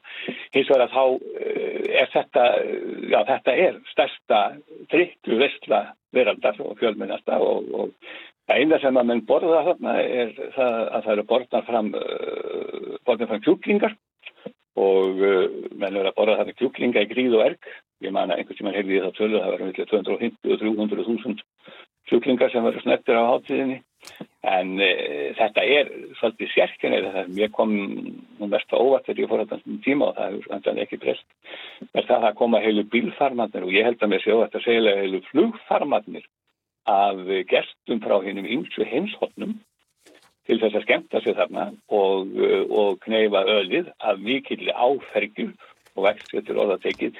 Það er rétt að ímynda sér að þegar að til dæmis uh, hópar af Japunum á þess að vera með þennan fórtlóma það er þekkt að þeir uh, eru einhvern veginn ekki náttúraðir fyrir ámikla áfengistrykju. Það fyrir að koma kannski mörg hundur Japani þarna inn og, drekka þarna sjáfjóra lítra hver af bjór að það var ástandið á, á þessum að sem við búum náttúrulega ekki sérstaklega beysið. Og e, það er líka töluvert, tölvu, ég veist að er ég bjóður í munnkinn á tíma þá veist ég til þess að tölverður fjöldi munnkinn búa forðaði sig úr borgin meðan oktober áttuðin stóð yfir. Því að það var svo mikil, mikil um að vera og svo, svo mikil læti sem fylgdi þessu, þetta er auðvitað þegar kannski hundruð þúsunda mann eru söðbruknir á, á litlu svæði og dröngur þá er eðlilegt að því fylgir svona alltaf háa. En þessu líkur klukkan tíu kvöldin, lög klukkan tíu kvöldin, ég sá að nú ætlar að opið til halv 11 sem að það er nú ekki vinsast hálftími hjá borgarbúum, þessu auka hálftími, en, já, en svarið spurningunni er, þetta er óskaplega mikil drikkjuhátt og fyrst og fremst drikkjuhátt og fjölda drikja. Þá dreyið tilbaka fulleringar um líðhelsu, kannski andlega líðhelsa, en eh, ég verið rétt í lókin að eh, ræða um eh, satíru þætti sem eru vinsælir og langlýfir í Þýskalandi?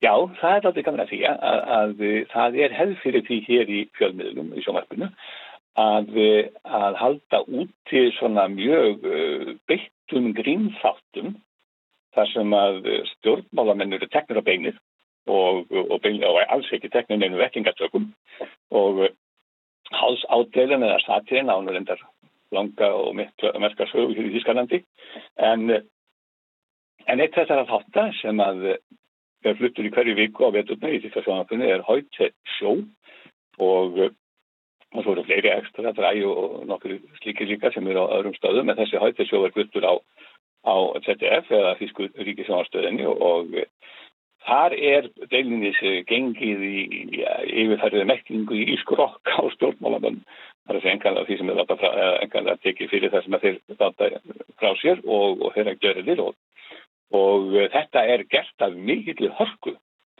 Uh, og uh, það er hægt því að stjórnmálefnunum okkar á Íslandi myndur nú þykja nógum og þeir myndur nú heldur betur kvenka sér undan ára sem af því tæginn sem þetta er bara aða því þetta, þetta er harkalega ádela það eru sem sagt bara skopmyndir síndara mönnum eða verið að verið að láta eitthvað út úr sem ekki þykir við hæfið þar sem að þeir eru alveg eins og þábjónar og, og síðan er klift brot úr ræðum sem að menn flytja í þingjum og svona og það sett í alls konar samingi og, og, og þeir til dæmis að nýjunga að í hættisjó hafa grínist, það er hópur grínist sem stendur að þessum þáttum eh, hafa þeir eh, svona undarfarin visseri nokkur sem fengi að fara inn í þíska þinghúsið til þess að ræða við þingmenn og, og ráðherra sem eru að leiða þingfundi. Og þetta hefur náttúrulega sett aukinn kraft í gríni því að því að þeir bara vinda sér af uh, þingmönnum og ráðurum og, og spyrja það spurningar sem eru stundum mjög óþægilega og ekki sem er að sagt. Og, og flestir taka nú reyndar vel í þessar atlugur og þessar aðfæri grínistana en það eru þó dæmi um að einstakir ráðamenn hafi farið að fíla grunn og orðið mjög svona af undmiðu við spaugarana þegar það fannst þeir ganga ofur nærðið sér. Þannig að uh, það er einkennir í rauninni þessa þætti að, að það er ákveðið miskunarlösi ákveðið en það uh, má segja sem svo að með líta hér þannig á að þessi þætti séu bara eðlilegir, eðlilegur hlut til að líðaðinu einhverstað þarf að sína stjórnmálamennum aðhald og hverjir er að gera það ef ekki, ekki fjölmjöldanir og hverjir eru beittari og hverjir eru svona e, kvassari og sína meira aðhald heldur en þeir sem standa fyrir grínþáttum eitthvað þess að grínið eins og við vitum eitt uh, svona merkast á hálsádegan er eitt af, eitt af svona bitmest og bittustu vopnunum í þegar kemur að því að, að sína fram á einhvers konar uh, miskjörðir eða eða eitthvað það sem stjórnmálum en gera sem að fólkið á ekki og vil ekki setja sig við.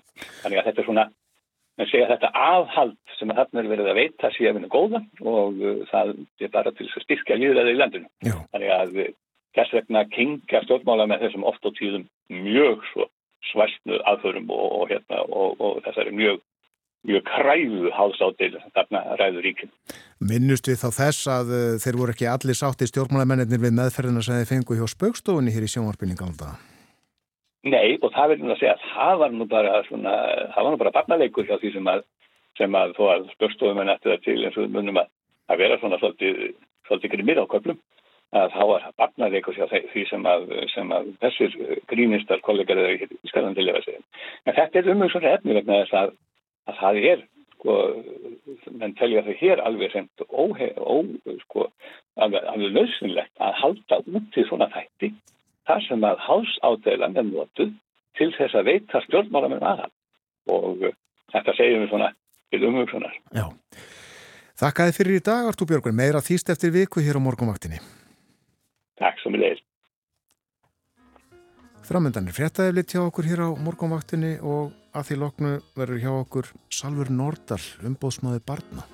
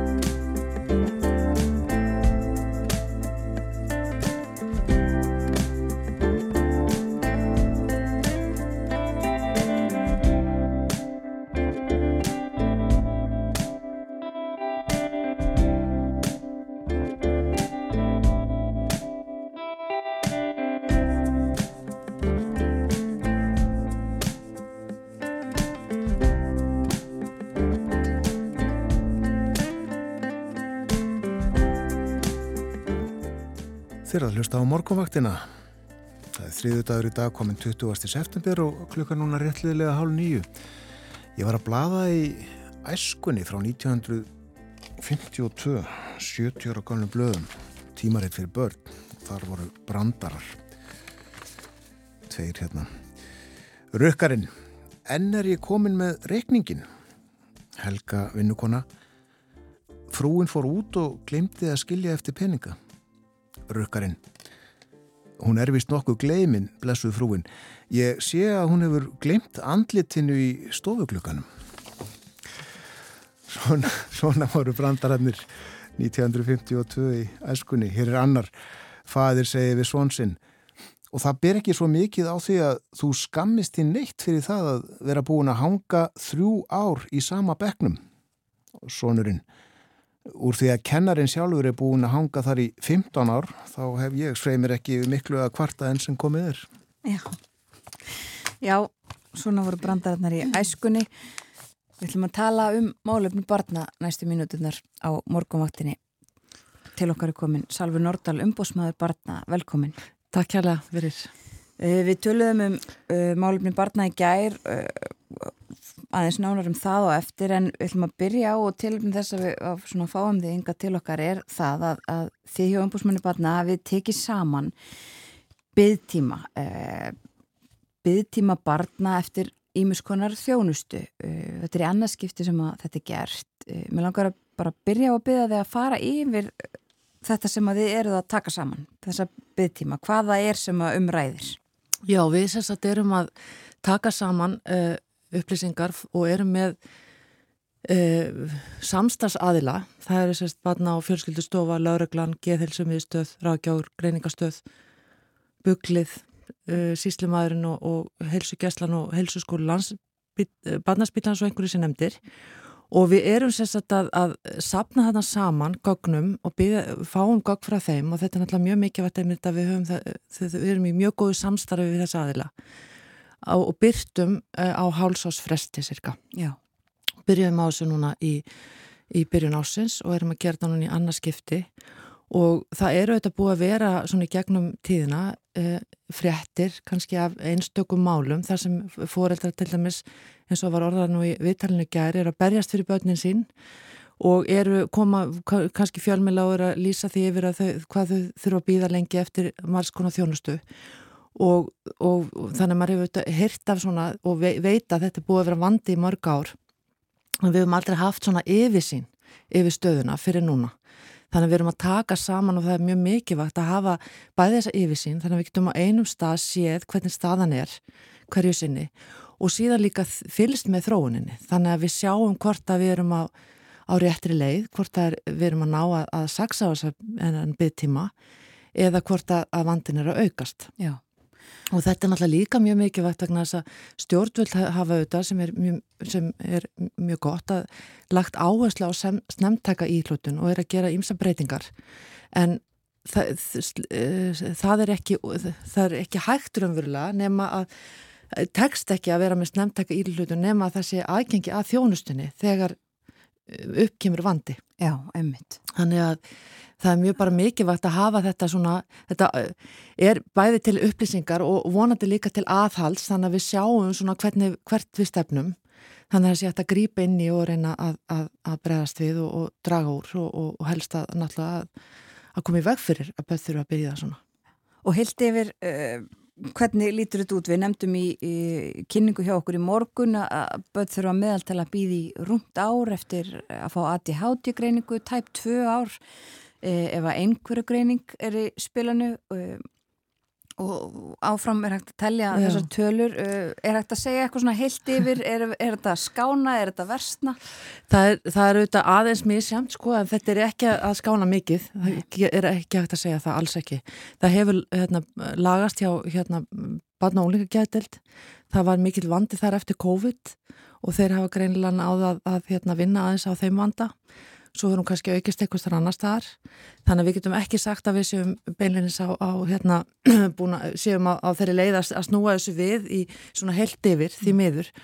Og við erum líka núna að, sko við erum alltaf líka að þróa þetta verkefni þannig að við höfum verið að bæta við upplýsingum. Og einn, það til dæmis erum við núna með upplýsingar um, um byggð eftir sálfræði þjónustu og helsugjæslunum og, og talmennafræðingar byðin eftir talmennumfræðingum og það er búið að vera að tala um það nú til dæmis í mörg ár og við erum búið að skrifa nokkuð bref á síðustu árum til eh, heilbreyðisánandisins varðandi þann vanda. Og við erum, reyndar, erum að byrta þannig gamlar tölur eh, frá áramótu með rétt fyrir áramótu hérna, eh, lók, ás, sí, lók síðasta árs. Og þar kemur fram sko að það eru sko það, maður getur valla sagt það sko að það eru 3700 börn á, á byggð samkvæmt hérna, upplýsingum hérna, frá sjúkratryggingum. Og það er bara slagar upp í heilan árgang. Akkurat. og það er auðvitað, þetta er gríðalegu vandi og, og, ef, og þetta er náttúrulega tölur bara frá sem, sem sjúkratryggingar voru með og, og hafa ekki verið byrtar áður. Og sína náttúrulega bara umfangið. Þannig að, að ég veit ekki, það er, það er erfitt að segja að, að e, e, sko hvar staðan er vesti, menn það er þannig að, að öll þessi börn er að býða eftir mjög mikilvægri þjónustu. Þjónustu sem þau verða að fá sem allra aðra fyrst. Já. Og því lengur sem þau býða, þeim mun líklara er að vandin vaksi og ekki bara vandi þeirra, sagt, þessi tiltekni vandi heldur hefur bara mikil áhrif á þeirra skólagöngu, þeirra félagslíf og þar með þeirra framtíð. Þannig að, að þetta er náttúrulega stórkoslega sko mikilvægt að taka, taka á þessu. Það, það er bara börn verða að fá uh, þjónustuna þegar þau þurfa á hann að halda. Mm.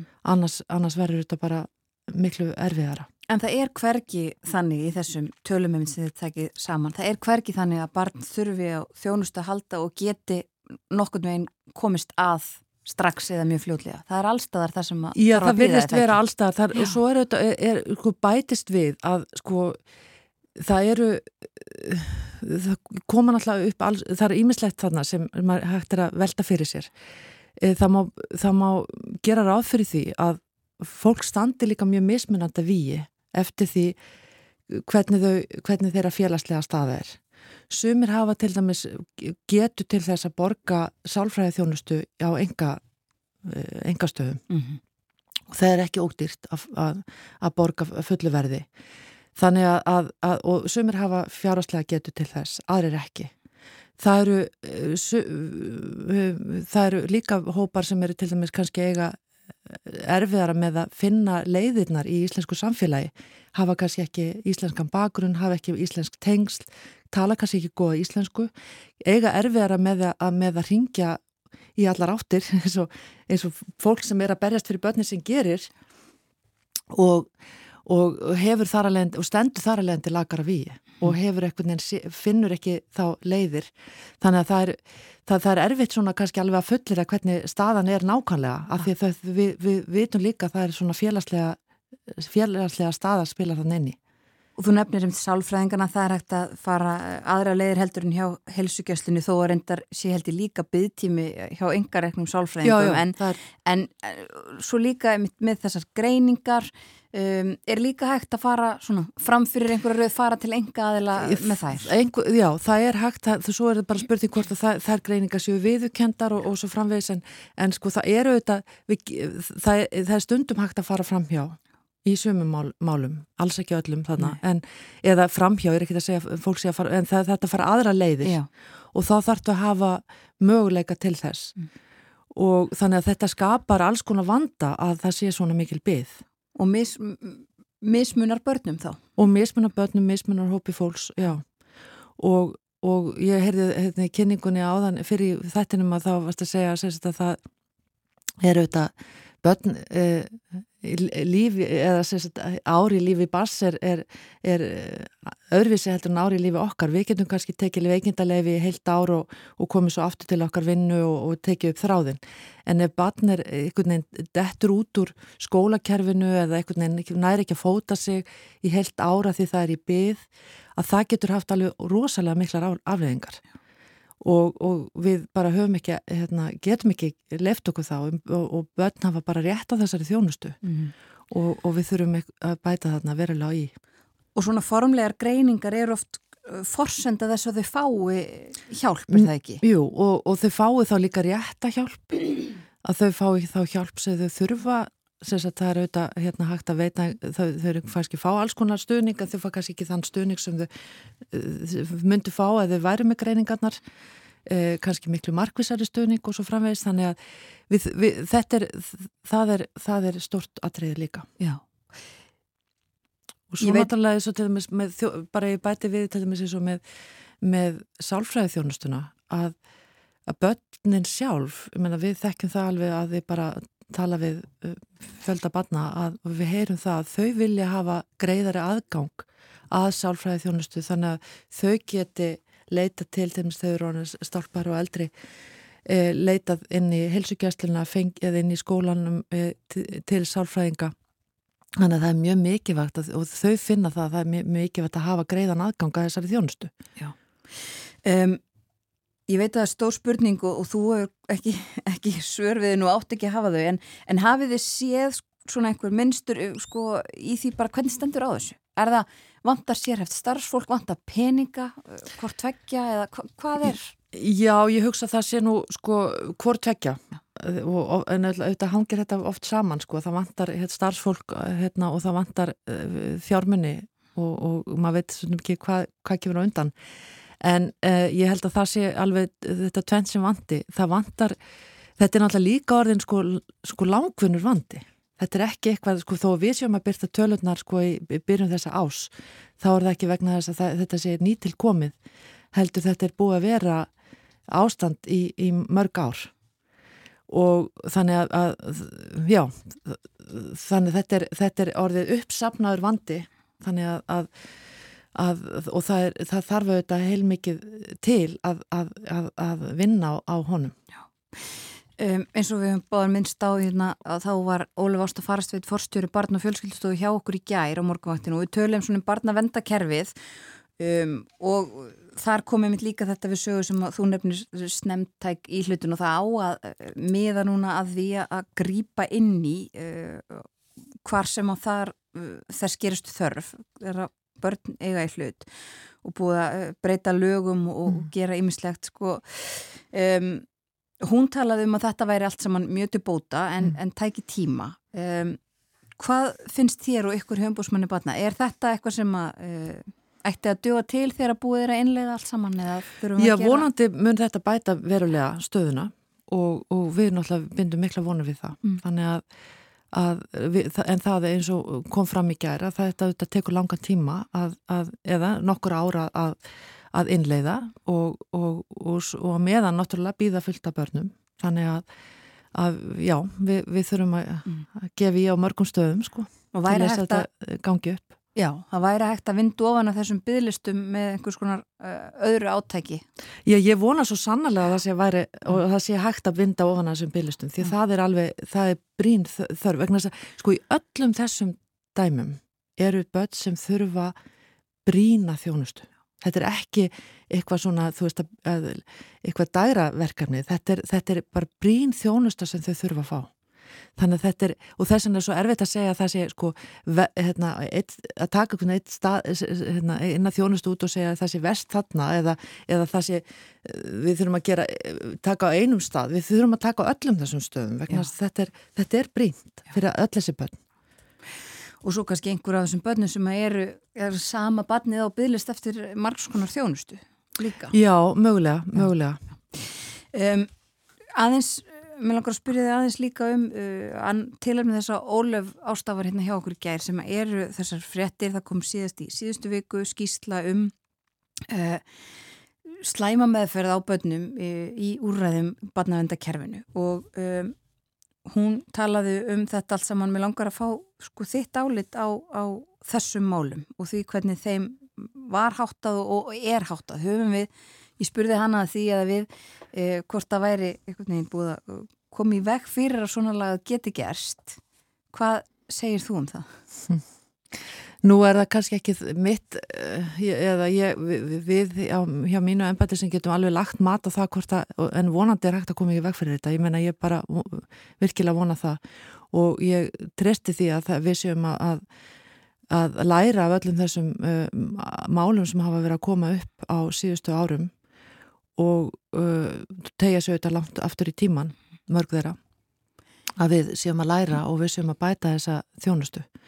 Þannig að það er auðvitað mjög, mjög þungt að, að lesa um, um öll þessi mál. Þannig að og, og til dæmis þessi nýjasta skísla hún náttúrulega er til, um, um atbyrju sem eru til dæmis ný nýleir, þannig að og það er ákveðin svona eh, erfitt að sjá það sko, að við höfum kannski ekki lært meir en það, en vonandi og ég treysti því að þeir sem eru við stjórnvölin að, að þau, þau séu raunverulega og, og, og, og ég veit að þau eru alltaf að vilja gerða að, að, að bæta þetta eins og hægt er.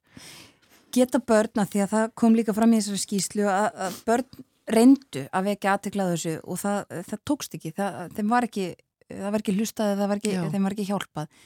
Um, geta börn í dag leita til umbúsmanns barna með uh, svona kvartanir?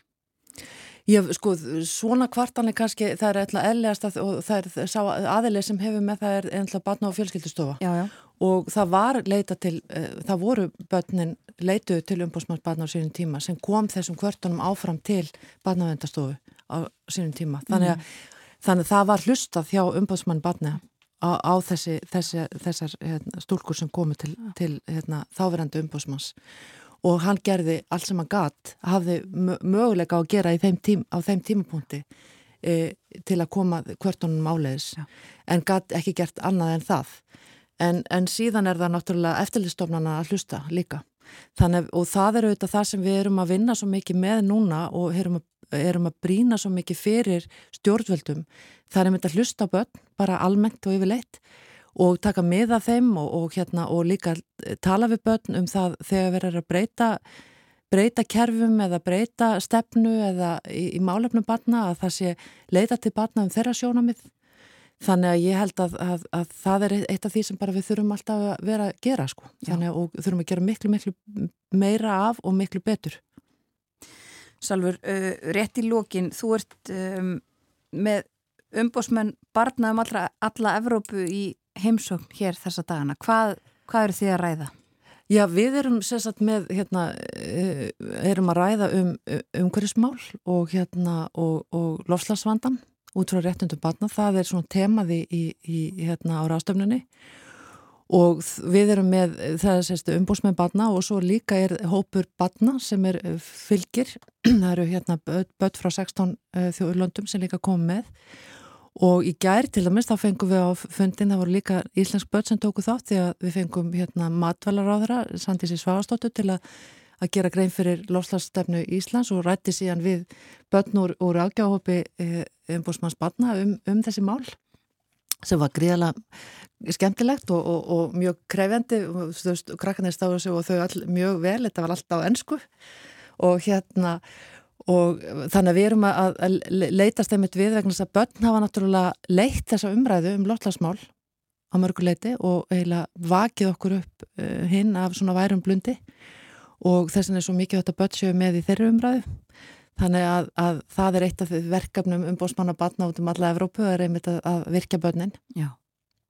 Og eru það þessi mál sem eru svona efst á baui hjá uh, þessum embættum um alla álfunni eða hvað annað er svona eh, Það eru auðvitað mjög marg, margvíslega mál. Það eru, það eru uh, já, umbós, við erum auðvitað mikið að velta fyrir okkur um, umhverfsmálunum að því það brennur svo mikið á ungu fólki núna í dag og bönnum nú svo eru auðvitað uh, er úkrænusstriði náttúrulega skekir mjög mikið á uh, og, og hefur, hérna, hefur haft mikil áhrif á, á viða um Evrópu og, og bönn sem er að koma og umbúrsmann barna hafa eh, náttúrulega látið sig það mál mjög mikið verða. Þannig að það eru auðvitað og svo eru auðvitað bara margvísli mál annur sem, sem eru brenna á, á eins og gengur sko. Já Dóltið mismjöndu auðvitað eftir landum líka. Það eru, það, það eru maður sér alveg svona kúlturmunni eða þannig, það eru, eru mismjöndi áherslur. Já, Já, eðlilega. Og þið eruð að funda áfram í dag og eitthvað inn í morgundaginn? Og eitthvað inn í morgundaginn, þá erum við, já, þá erum við að hérna að við erum með okkar aðalfund eða eða ársfund á morgun. Þannig að hérna, þetta er bara mjög skemmtilegt. Salvi Nordal, umbúsmaður batna, takk fyrir að koma til okkar á morgunvættina Takk sem við leiðis Og að þessu loknu, ég er hér með plötuna fínu Eninga Meninga. Hún kom út 1975 Olga Guðrún Arnóndóttir singulög eftir Ólaf Haug Símunarsson og uh, ég valdi lægið um köttin sem að gufaði upp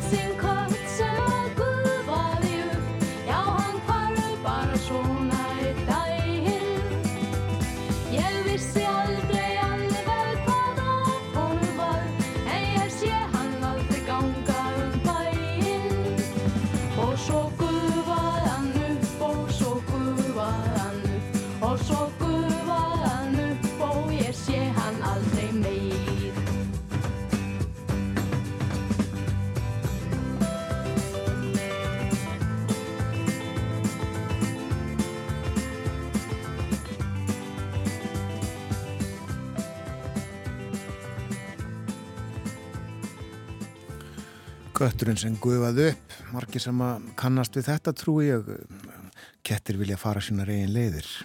Já, og af þessari frábæru plötu, Olgu Guðrunar Ráðnadóttur. En uh, Salvi Nordal, umbóðsmaður barna, er haldin út í daginn til fundar við umbóðsmenn barna eh, í Evrópu. Hún ræti við okkur um byðlista, byðtíma barna eftir alls konar bráðnöðsynleiri þjónustu. Börn þurfa að býða lengi og uh, það er eiginlega sama hvert er litið. Það er hverki þannig að það sé bara hægt að ganga inn í þjónustu sem það þarf vera á.